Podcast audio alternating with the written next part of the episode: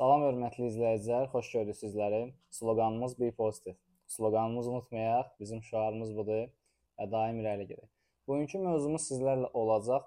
SMM kimdir? SMM vəzifəsi nədir? Nə işləri görür? Bu haqqda danışacağıq. Çünki insanlar əfsuslar olsun ki, ə, Azərbaycanda bunu səhv bilirlər və biz istəyirik ki, insanlar doğru mənada bilsinlər ki, SMM nə işi görür? Yəni SMM həqiqətən kimdir və bizim işimiz üçün yararlıdır yoxsa yox?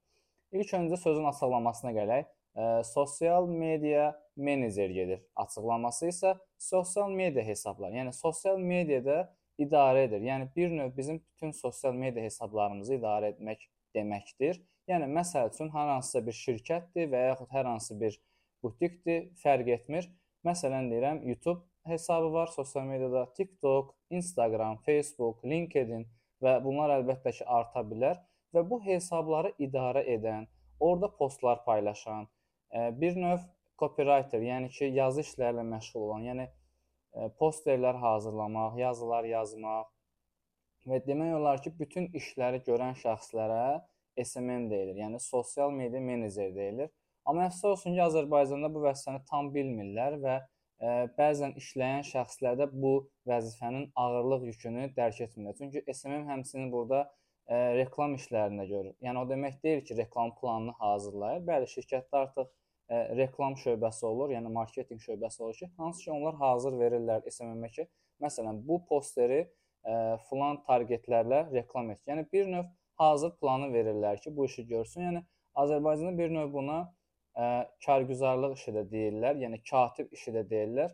İngilis dilində isə bu vəzifəyə yaxın olan document controller var. Yəni Bu vəzifənin işləri bundan ibarətdir və bəzən bizdə Azərbaycan nə istəyirlər? Bizə deyirlər ki, Azərbaycanda hə, SMM mənim səhifəmi idarə etsin, yəni Instagram səhifəmi idarə etsin, postlar paylaşsın, ə, şəkil və yaxud reelslər paylaşsın, mesajlara cavab versin və gündəlik olaraq hekayələr paylaşsın.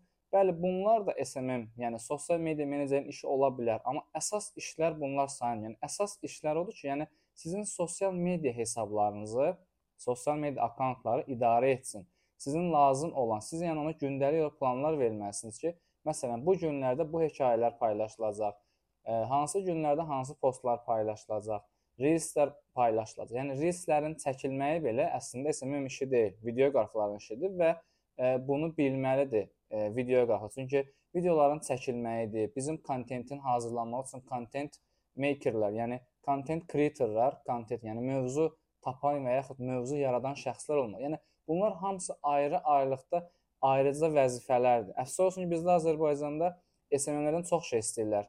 Yəni ki, kontent tapqınla, reels çəkginlə, səhifəni idarə etginlə, əksinə bu çox işdir. Yəni bu çox işə görə ən azı 1000-1500 manat minimum mən nəzərə tuturam. 1000-1500 manat ə, e, dəyərində ə, e, məvacib verilməli. Yəni ödəniş edilir. Çünki biz o adamdan çox şey istəyirik. Kontent tapmaq asan iş deyil. Məsələn, mən hansısa bir e, sahəni götürürəm fitness müəllimi. Yəni mənim orada kontentlər tapmaq e, vaxt alır. Yəni bir növ mən onun daha sonra tapandan sonra ssenarisini yazmalıyam. Yəni necə çəkiləcək, harda çəkiləcək, e, kim olacaq orada, hansı üz siması olacaq və yaxud e, çəkiliş əsaslı, yəni ssenari yazılır, rejissor kimi, yəni kino kimi, rejissor kimi çəkilir ki, insanlara maraqlı gəlsin. Yəni bu kəşfiyyatda dediyimiz məsələ, yəni maraqlı gəlsin. Yəni ona görə burada ə, sahələr şaxələnir, yəni bölünür. Hər kəsin öz işi olmalıdır. Və başa düşürəm bizdə Azərbaycanda bəzi fəlsəfələr var ki, onları ə, kompakt edirlər, yəni birləşdirirlər ki, hə sən 2 3 2 3 işi birdən görgünən və əslində düzgün yanaşma deyil. Yəni biz insanı yükləmiş oluruq və ondan tələb edirik ki, yaxşı mənə kontent ver. Verə bilməyəcək kontent. Niyə? Çünki biz onu yükləmişik. Səhifəni idarə et, kontent tap, gəl reels çək, həmin kontentə görə reels çək. Biz onu yükləmiş oluruq və əfsuslar olsun ki, biz həmin şəxsdən keyfiyyətli iş gözləyirik və əslində düzgün yanaşma deyil. Biz əgər SMM olaraq işlətmək istəyiriksə işçiləri düzgün məlumat verməli və düzgün işlər görməsi üçün e, ona düzgün istiqamətlər vermək. Yəni bax səninlə danışırıq. Səhifəni idarə edirsən, hekayələr paylaşasan, postlar paylaşasan, məsələn, sənə bu qədər məvacib verir. Videoqraf, reels çəkmək üçün ayrıca bir şəxs tuturuq və yaxud kontent tapmaq üçün ayrıca bir şəxslər tuturuq.